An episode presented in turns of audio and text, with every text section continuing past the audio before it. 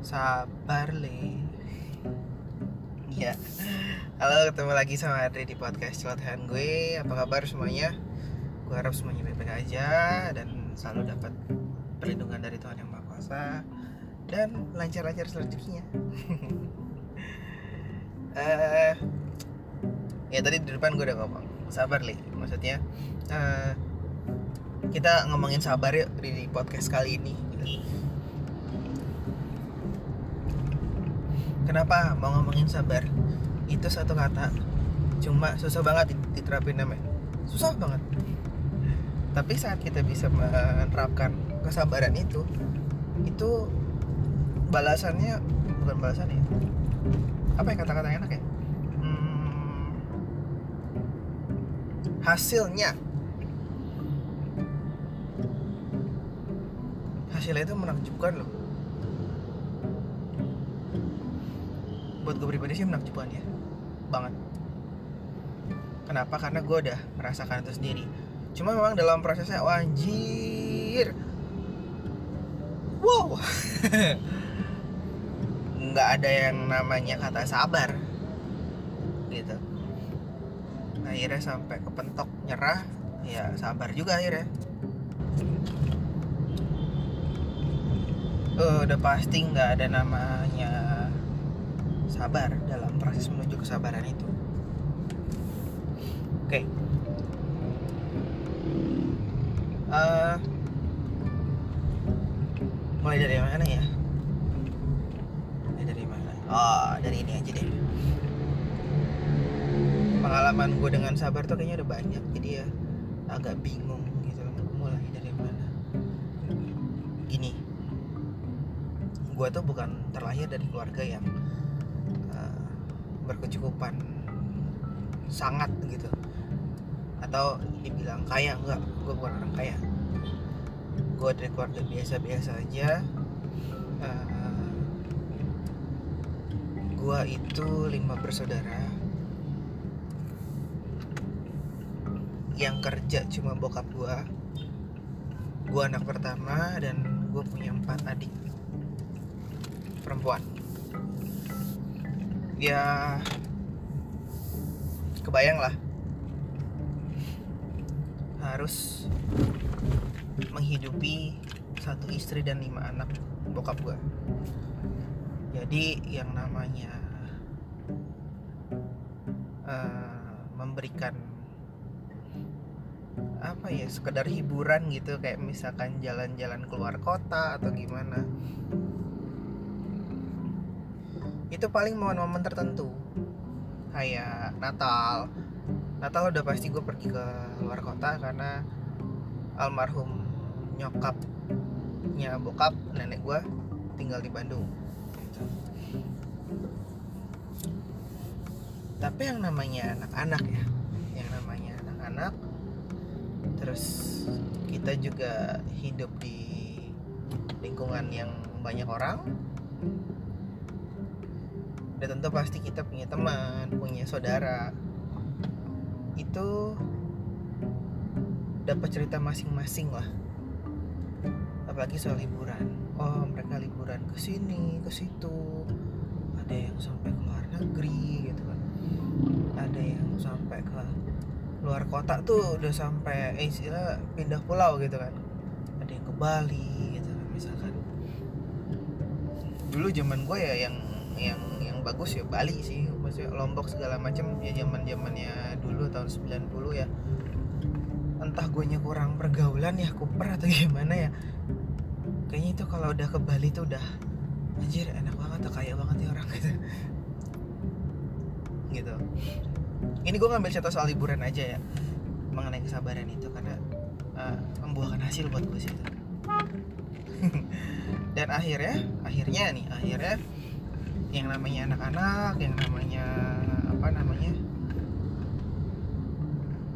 Laki-laki pria manusia gitu kan yang punya rasa punya pikiran gitu. Dengar-dengar kayak gitu anjir kapan gue bisa begitu ya? Dan gue nggak gue tipe yang bukan anak yang uh, ngerengek gitu loh. Aduh pama mau dong ke sini enggak gue malah tergolong anak yang sangat sangat tahu diri gitu dengan keadaan keluarga gue jadi gue nggak nggak nggak nggak nggak nggak banyak minta gitu. Paling gue minta makan lapar. Itu doang minta makan minta minum udah itu doang. Uh, jadi waktu kecil ya bukannya gue nggak nggak pernah ke mana-mana gue pernah ke mana-mana gitu. Gue pernah ke mana-mana gue pernah ke ke Pangandaran gitu kan. Ke apa namanya carita gitu gitulah pokoknya. Cuma kan yang namanya anak-anak juga pada saat itu ngedengar teman-temannya ada liburan ke luar kota dan daerah yang ada ya daerah ini. Waduh pengen sekali gitu. Apalagi sampai dengar wah di luar negeri. Wow gila keren. Kayak apa di luar negeri gitu akhirnya uh, buat gue waktu itu ya ya gue cuma bisa mendengar itu dan bisa gue bilang dulu gue sih nggak tahu ya arti kata sabar itu sebenarnya. Ya karena gue tahu gue keadaan ekonomi keluarga gue seperti itu. Uh, eh, gue nggak miskin miskin banget. Gue cukup gitu aja dan tapi untuk hal misalnya ngebawa sekeluarga ngeboyong gue liburan ke Bali atau kan wah itu mungkin harus mengorbankan uang sekolah gua atau adik gua kali ya mungkin. Mungkin mungkin mungkin aja. Nggak tahu juga gitu. Akhirnya berjalan waktu SD SMP ya udah begitu aja. Sampai akhirnya suatu saat di SMP kesabaran gue yang denger uh, saudara-saudara atau denger teman-teman yang udah liburan misalkan ke Bali ke mana segala macam gue mendapatkan kesempatan di akhir tahun ajaran lulus lulusan kelas 3 gue ke Jogja sama sekolah. Dan gue tahu itu uh, bokap nyokap gue mengusahakan banget untuk gue bisa ikut itu. Ya. Selama beberapa tahun sabar akhirnya uh, oh ya gue akhirnya ke Jogja gitu kan. Nah setelah itu setelah itu ini lagi nih yang nggak disangka-sangka sebenarnya. Saat itu lulus lulusan selesai lulus lulusan uh, ya pasti ke SMA lah. Pindah ke SMA jenjang yang lebih tinggi. Itu gue nggak ada kepikiran sama sekali untuk sekolah di luar kota. Nggak ada sama sekali.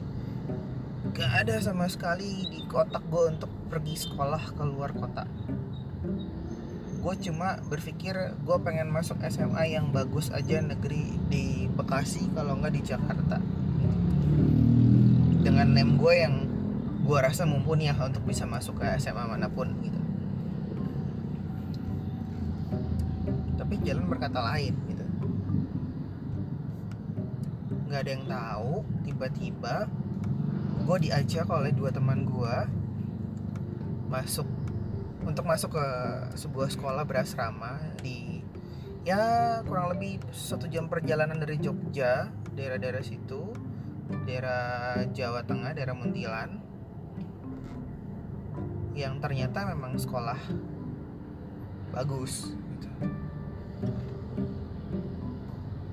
punyanya yayasan Panguni Luhur lah berasrama dari dua orang yang ngajak gue ini berarti kan tambah gue bertiga. Yang keterima gue doang. Yang ikut-ikutan aja. Dan selama tiga tahun gue tinggal di Muntilan. Dan gue bisa setiap bu setiap bulan ada kesempatan untuk main-main di Jogja yang jaraknya cuma satu jam perjalanan dari kota gue itu kota tempat SMA gue itu. Itu nggak nggak bisa di apa ya nggak nyangka aja gitu. Dari apa namanya impian anak-anak ih pengen ke sini pengen ke sini. Tiba-tiba lo ditaruh di jog di Muntilan dan lo bisa kapan pun ke Jogja untuk main muter-muter dan dari situ nggak jauh dari Candi Borobudur. Wow.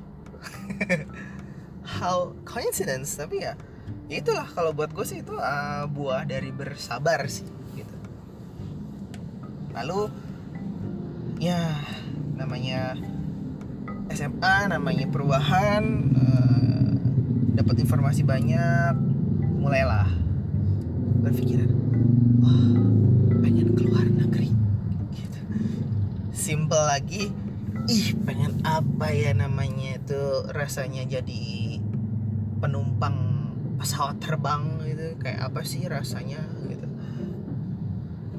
Naik pesawat tuh kayak apa gitu.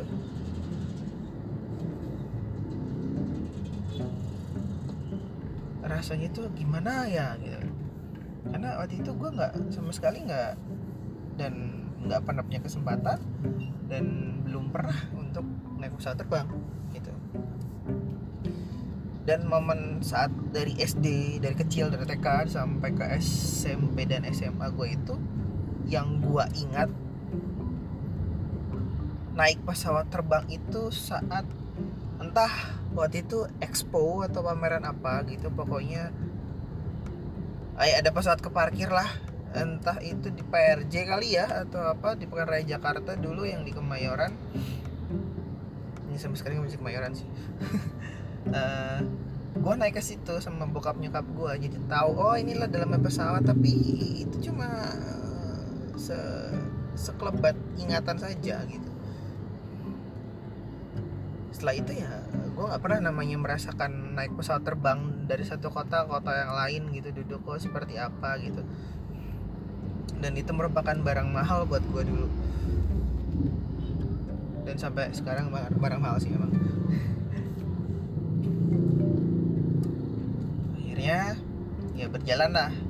Sama dengar cerita teman-teman aja dulu yang satu asrama ada yang sama-sama tinggal di dekat ibu kota gitu di Jakarta di Bekasi di Tangerang gitu. Ada yang uh, beberapa orang yang udah merasakan oh gitu naik pesawat ya ya menyimpan hasrat untuk waduh kapan ya? Gitu.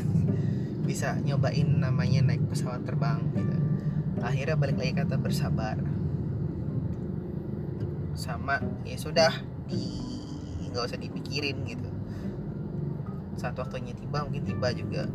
Tapi waktu itu sih nggak berpikir seperti itu cuma ah, seru ya gitu. Kapan ya? Gitu udah gitu. berjalan terus berjalan masuk ke jenjang kuliah. Istilahnya gua yang dari kecil sampai usia kuliah belum pernah namanya merasakan naik pesawat yang pesawatnya terbang gitu. Dari satu kota ke kota lain. Dan belum pernah keluar negeri sama sekali. Semua itu cuma didengar doang gitu gitu ya oh gitu ya. Dan didengar dan gue baca gue baca gue ya pas zamannya buku ya gue baca buku saat ada internet gue browsing internet gitu. Seperti ini sambil membayangkan gitu wow kayaknya enak ya kayak ini. Dan saat kuliah puji Tuhan gue mendapatkan kesempatan uh, diajak sama orang tua pacar gue yang sekarang jadi istri gue jalan-jalan ke Singapura. Pertama kali gue naik pesawat terbang.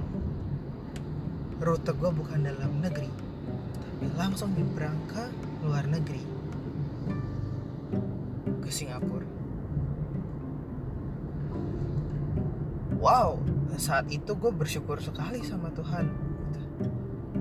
Kenapa? Karena dari sekian nama gue cuma bisa browsing kasarannya. Gue cuma bisa baca. Gue cuma bisa tak apa dengar cerita dari orang-orang. Untuk di Singapura seperti ini di luar negeri gini. Ah, gitu. Dengan bangga dengan muka polos dengan wow enak ya. Dengan dengan menyimpan keinginan untuk bisa seperti itu dan itu terwujud. Itu hal yang wow buat gue sih pribadi dan itu bisa gue bilang ya buah dari kesabaran. Ya itu. Gitu. Banyak lah buah dari kesabaran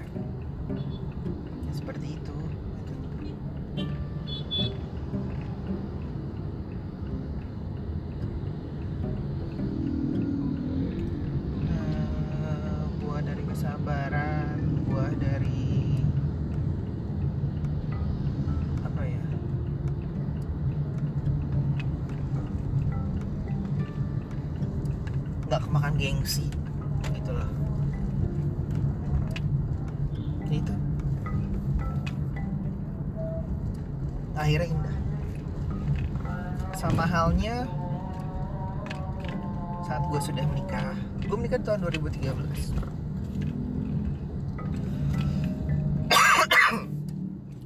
saat itu eh, keadaan dari istri gue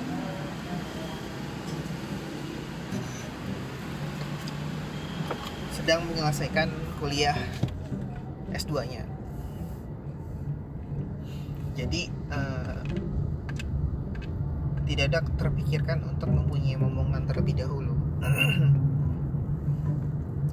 Kalau gue sih pengen, gitu. tapi karena istri gue masih melanjutkan pendidikan, gue nggak mau. Tapi setelah selesai pendidikan, setelah selesai masa S2-nya, eh, gue pengen sekali punya keturunan, punya anak. Selesainya itu kalau nggak salah di 2014 atau 15 ya, S2-nya itu. Lalu berproses sekian lama eh, kok kami belum dikaruniai dikaruniai anak ya sampai eh, ya itulah banyaklah friksi. Terus naik turunnya yang namanya kehidupan perkawinan apalagi ya kalau membicarakan masalah keturunan lah eh, berantem lah pasti. Ada berantemnya. Akhirnya sampai titik kesabaran itu sudah sudah sudah sudah kami lupakan karena ya sudah mau seperti apa lagi gitu. Dari yang keadaan istriku belum siap untuk punya anak sampai dia sudah siap dan akhirnya eh, tidak kunjung datang. Dan kami ya cuma bisa bersabar berpasrah dan tiba-tiba kami dikaruniai anak setelah empat tahun usia pernikahan kami. Dan itu bukan hal yang lama ya. Ke- eh, paling lama gitu maksud, maksud gua. Karena masih ada lagi pasangan-pasangan lain yang lebih lama lagi gitu baru dikaruniai keturunan. Dan itu kayak keran rezeki itu kayak terbuka gitu buat gua karena anak itu rezeki sih. Tapi make sense nggak mau banyak banyak juga gua. Datang keran rezeki ya anak itu datang. 2017 2018 kayak nggak ada jeda gitu. Eh, anak pertama lahir di 2017 anak kedua lahir di 2018 dan sudah lengkap alias satu perempuan satu laki-laki di mana banyak juga pasangan di luar sana masih mengharapkan aku pengen punya anak laki-laki karena anakku perempuan dua-duanya. Tapi setelah dan lain, hal tidak bisa ya di situ kalian bersyukur. Dan itu buah kesabaran juga. Tapi itu memang dalam menjalani sebuah kesabaran itu ya memang naik turun banget sih. Parah naik turun parah yang bisa gue inget me- ingatan gue tentang mengenai proses kesabaran itu ya pada saat menunggu. Sampai ke menunggu dari eh, ingin mempunyai anak sampai akhir akhirnya akhirnya gue dikasih anak nih sama Tuhan nih gitu. Itu prosesnya benar-benar naik turun. Jadi gue bilang gue sama istri pasti berantem. Kadang gue juga ngomong gak enak ke keluarga gitu ke tante ke bude gitu ke pak de saat ditanya atau gimana? Atau gue sudah membatasi diri gue sendiri gitu. Awas lu pengen nanya apa? Soal gue belum punya anak. Gue hajar lo kasarannya gitu. Tapi kan kalau misalnya kita mau sabar oke lah sabar. Semua berbuah positif. Tapi ya begitu pada kenyataannya enggak. Jadi bagaimana cara kita memaintainnya aja? Karena kita manusia kita kita punya limit juga gitu. Tapi jangan sampai mendahului waktunya Tuhan buat gue ya mendahului waktunya yang kuasa gitu. Karena ya buat gue saat yang kuasa eh, melihat hmm, belum belum belum belum waktunya gitu. Se- karena gini eh, untuk orang-orang mungkin yang eh, percaya dengan konsep Tuhan akan masuk dengan dengan dengan dengan omongan gue tapi kalau misalkan orang-orang yang tidak percaya dengan adanya konsep Tuhan atau ya itu ateis ya. Eh, atau mungkin kalau ag- agnostik ya ya mereka percaya mereka percayakan satu adanya Tuhan itu adanya suatu kuasa tapi mereka tidak percayakan adanya agama kan. Nah gue buat gue karena gue sudah merasakan juga gue sudah coba berusaha sebisa mungkin ah gue pengen menuju titik A gitu kan rencana gue tuh gue lurus. Tapi menurut Tuhan no nggak adri gitu. bukan I'm not gonna make it easy ya nggak gitu.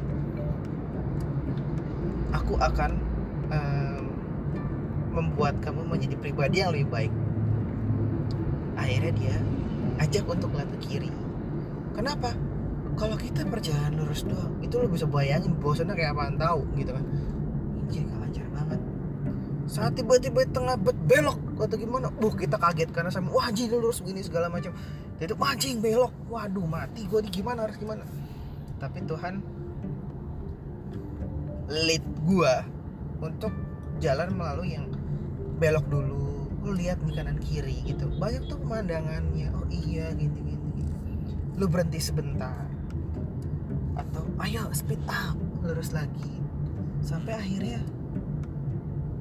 ketemu gitu. Nah itu proses. Proses sabar itu gitu. Dan jangan lu eh, apa namanya saat lu sedang diproses dan bersabar itu lu ambil shortcut.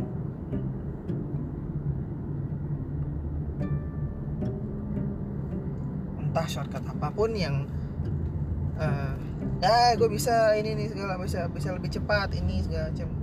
Gue harap shortcutnya memang Tuhan ja, tunjukkan jalan. Tapi kalau shortcut dengan lu mengorbankan orang lain atau lu mengorbankan keluarga lu mengorbankan segala hal gitu kan.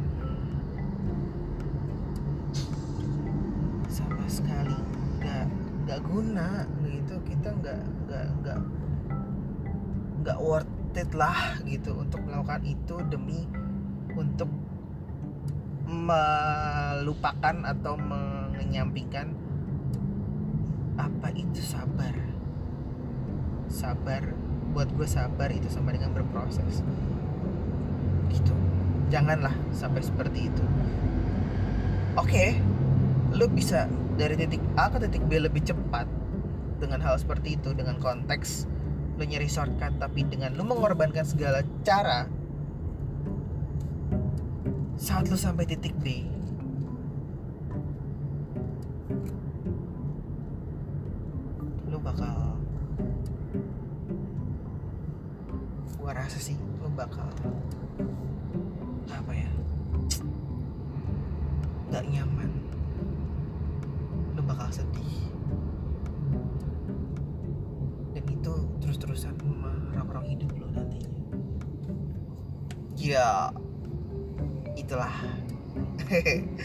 yang yang yang ada di otak gue tentang sabar.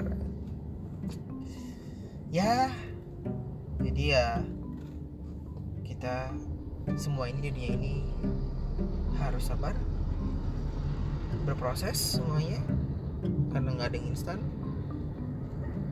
Terus berdoa berusaha. Jangan menyerah itu aja. Oke sekian podcast celotehan gue kali ini. Semoga suka dan mohon bantuannya untuk uh, follow untuk subs bukan subscribe ya. Follow ya pokoknya ada di Spotify ada di Google Podcast ada di Apple Podcast ada di Anchor ada di mana lagi aku lupa pokoknya. Jadi please support uh, channel podcast gue di celotehan gue. Terima kasih udah dengerin. Adri cabut. Bye bye